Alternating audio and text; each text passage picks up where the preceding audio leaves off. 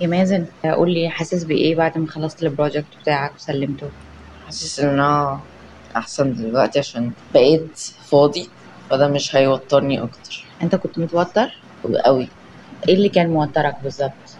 أنا كنت خايف لا ما اخلصوش قبل ما أسافر. okay يعني أنت كنت متوتر بس عشان عايز تسلم المشروع بتاعك في الوقت المناسب لكن أنت مش متوتر من النتيجة؟ آه الصراحة لا أنا مش هبقى متوتر من النتيجة خالص. أنا على الأقل اتبسطت وأنا معمل برافو عليك. وعايزة أقول لك إنه إحنا بغض النظر عن النتيجة أنا طول الوقت فخورة بيك ومبسوطة. هذه صديقتي سالي. لطالما اعتبرت علاقة سالي بأطفالها مميزة للغاية فهي الأم التي تسعى للتعلم والتطور باستمرار من أجل تلبية حاجات أطفالها الجسدية والنفسية.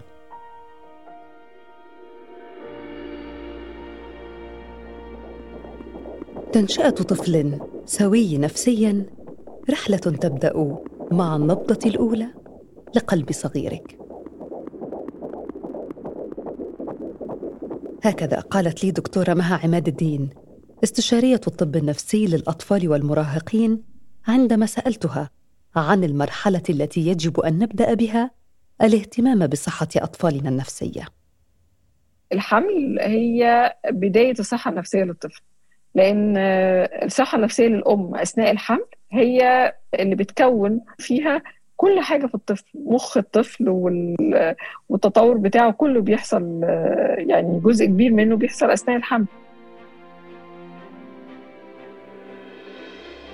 تعزيز الصحة النفسية لدى الأطفال والمراهقين أولوية تشدد عليها دائما المنظمات الدولية حتى أن وزارة الصحة الأمريكية منحت نحو 200 مليون دولار لدعم الصحة النفسية للشباب لأنه ببساطة الصحة النفسية هي حق أساسي من حقوق الإنسان.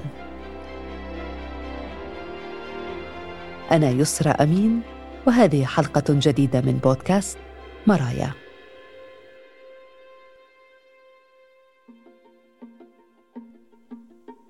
مفهوم الصحة النفسية للأطفال لا يقتصر على تقديم الدعم العاطفي والحب غير المشروط والاحتواء بل يتسع ليشمل حماية أطفالنا من مخاطر المشكلات النفسية التي تنشأ في مراحل الطفولة المبكرة وفترة المراهقة خاصة المتغيرات والضغوط التي يعيشها الأطفال في الوقت الحالي والتي أدت إلى تدهور صحة الأطفال نفسيا.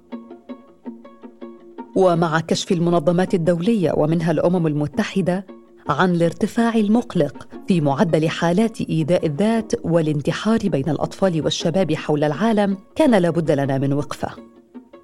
كيف أنقذ أطفالي وأجنبهم مخاطر لا حصر لها؟ الإجابة تبدأ من هنا.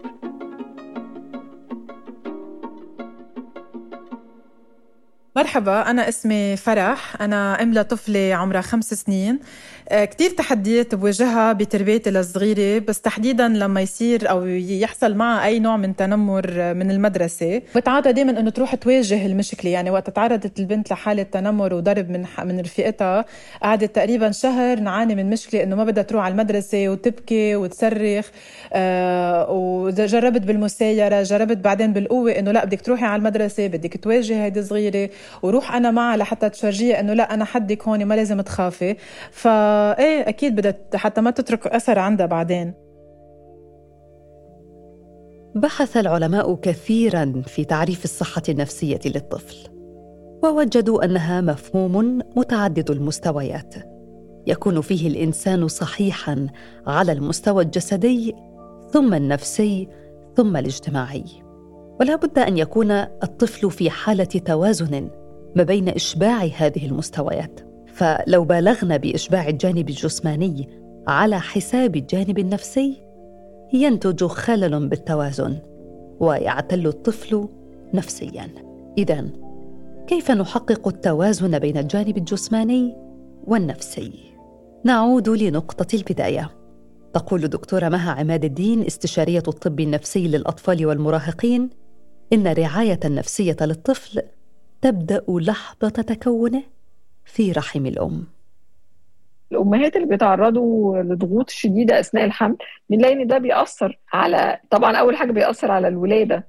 يعني الأمهات اللي بيتعرضوا للستريس بيبقى بي الولادة بتاعتهم بيبقى فيها مشاكل وده بيعرض للطفل لبعض المشاكل. لكن كمان الأبحاث لقت إنه مش بس كده لا ده كمان الصحة النفسية للطفل بتتأثر بشكل كبير والقدرات المعرفية بتتأثر آه، عند سن سنتين وثلاث سنين وأربع سنين بالصحة النفسية للأم آه، أثناء فترة الحمل.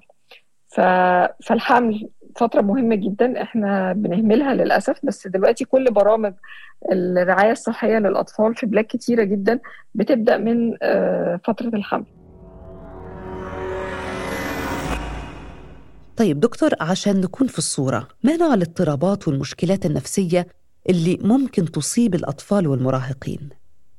في اضطرابات نفسية بتظهر في مرحلة الطفولة ودي مثلا حاجات زي اضطرابات بنسميها developmental disorder اللي هي الاضطرابات التطورية اللي هي بتحصل في مرحلة الطفولة المبكرة زي مثلا اضطرابات الأوتيزم واضطراب فرط الحركة ونقص الانتباه وصعوبات التعلم ومثلا ضعف القدرات المعرفية. دي حاجات بتظهر آه، في المرحلة الأولى من حياة الطفل. وفي حاجات تانية هي نفس الحاجات الموجودة عند الكبار ممكن تبقى موجودة كمان عند الأطفال زي مثلا القلق الاكتئاب اضطرابات المزاج نفس الحاجات اللي موجودة عند الكبار ممكن تبقى موجودة عند الأطفال ولكن آه، بشكل مختلف. هذا صحيح. الدراسات تشير إلى أن المشكلات النفسية تؤثر على واحد من كل عشرة أطفال في مراحل الطفولة المختلفة. هذه النسبة كانت قبل جائحة كوفيد فما بالك الآن؟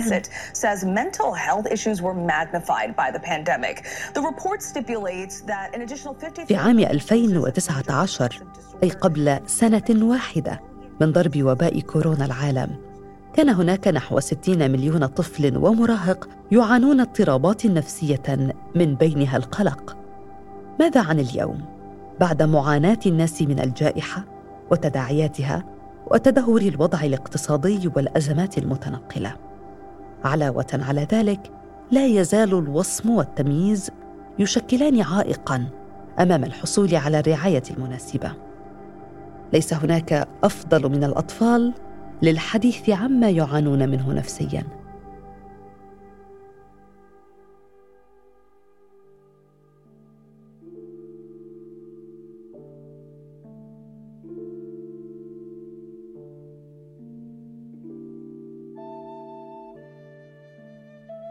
أنا اسمي ريم ومن سوريا عمري 13 سنة.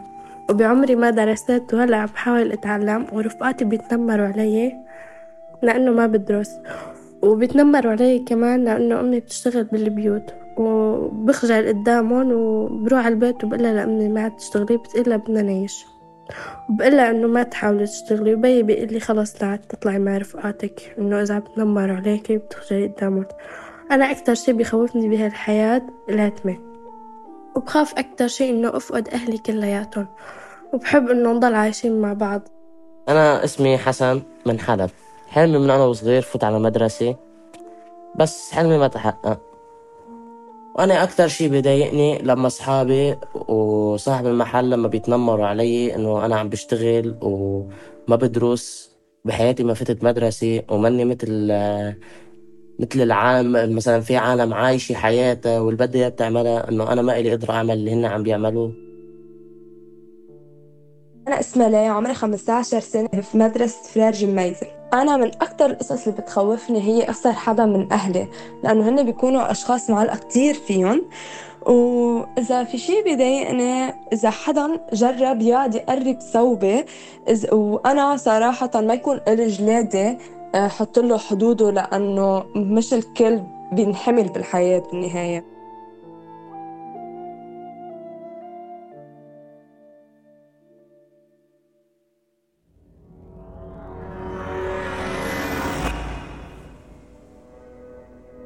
تشير الأمم المتحدة إلى أن أكثر من مليار طفل يتعرضون لشكل من أشكال العنف سنويا ويمكن أن يكون لهذا العنف أثر مدمر. على الصحة النفسية للأطفال. العنف من أكتر الحاجات اللي بتشكل ضغط بيأثر على احتفاظهم بالمعلومات وبالتالي بيأثر على آه، تعليمهم وقدرتهم كمان على إن هم يكونوا أكثر شجاعة في اكتساب آه، مهارات جديدة أو كده. كمان برضو التعرض للعنف في السنين الأولى والضغوط سواء كانت مثلا عنف بدني أو تنمر أو حاجة زي الحرمان العاطفي بتخلي الأطفال دول كأن عندهم حالة كده استثاره طول الوقت. حاجة بسيطة جدا بتستفز الجهاز العصبي بتاعهم فبتخليهم طول الوقت ناس عصبيين وعندهم استعداد للعنف ودايما طول الوقت كده متوترين. وعلى اللونج تيرم كمان بيأثر على شكل العلاقات بتاعتهم. دكتور مها أحيانا الأهل لا يكون لديهم علم أو معرفة بما يتعرض له الأطفال في غيابهم أو خارج المنزل؟ هل هناك علامات تشير إلى أن الطفل لا قدر الله؟ تعرض لاعتداء أو عنف وقرر السكوت عنه لأنه خايف من رد الفعل. لو في علاقة كويسة بين الأهل وأطفالهم غالبا الأطفال مش مش بيخافوا. ولو ده حصل مرة وال وال والأطفال قالوا لأهلهم وبدأوا ياخدوا موقف داعم آه، ليهم ما بيسيبش آثار زي طبعا لما ده بيتكرر أو إن الأهل ما يقفوش جنب اولادهم لكن كتير برضو الأطفال مش مش هيقولوا. فلو بدأنا نلاقي إن الأطفال مثلا بدأوا آه، يخافوا يروحوا أماكن معينة أو بدأوا يقولوا مثلا إنه في راجل ليه شكل معين آه، بيخوفه أو إن هو مثلا طفل يكون بطل يتبول على نفسه بدا يتبول على نفسه أو حصل تغير في سلوكه آه، بشكل مفاجئ. أو لو بدأ يلعب ألعاب فيها محتوى جنسي أو إن هو بدأ يركز مع الأطفال التانيين أو يطلب منهم مثلا إن هو يقلعوا هدومهم. كل دي حاجات تخلينا آه، نفكر إن ممكن يكون الأطفال آه، تعرضوا لاعتداء جنسي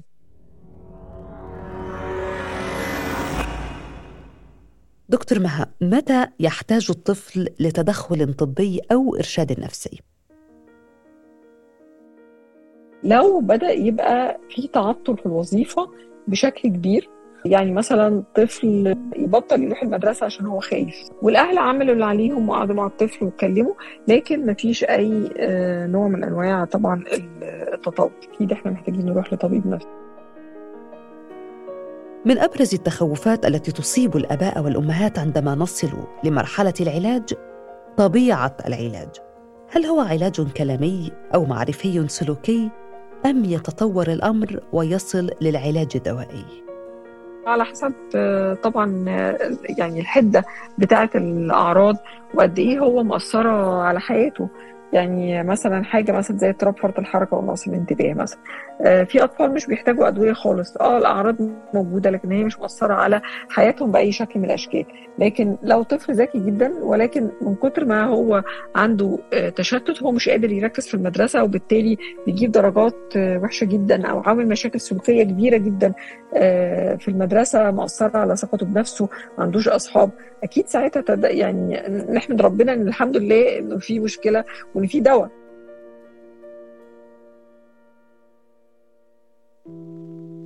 عندما أفكر بالأمر كأم أشعر بالخوف والثقة للمسؤولية.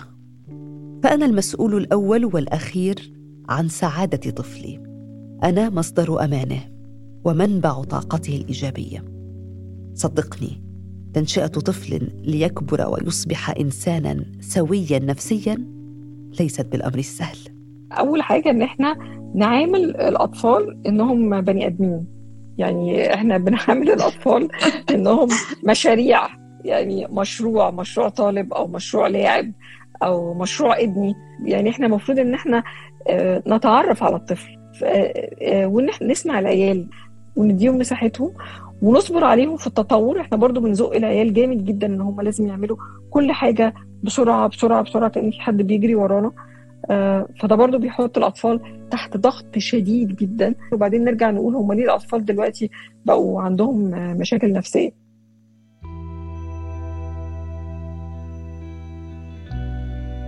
ألا أخبرك عن فعل بسيط يساهم في تحسين نفسية أطفالك ويعزز الثقة بينكما ويبني جسورا للتواصل بينك وبين طفلك. اللعب هذا ليس كلامي. هذا كلام منظمة الأمم المتحدة للطفولة والأمومة يونيسف. بأن الأطفال الذين يلعبون بانتظام مع والديهم هم أقل عرضة للإصابة بالقلق والاكتئاب والعدوانية ومشاكل النوم. وأيضا خلال مشاركة اللعب يتعرف طفلك على مدى الحب والأهمية التي يحظى بهما لديك. لذا ابتسم. وشارك اللعب واستمتع بكل لحظة. أنا يسرى أمين وهذا بودكاست مرايا.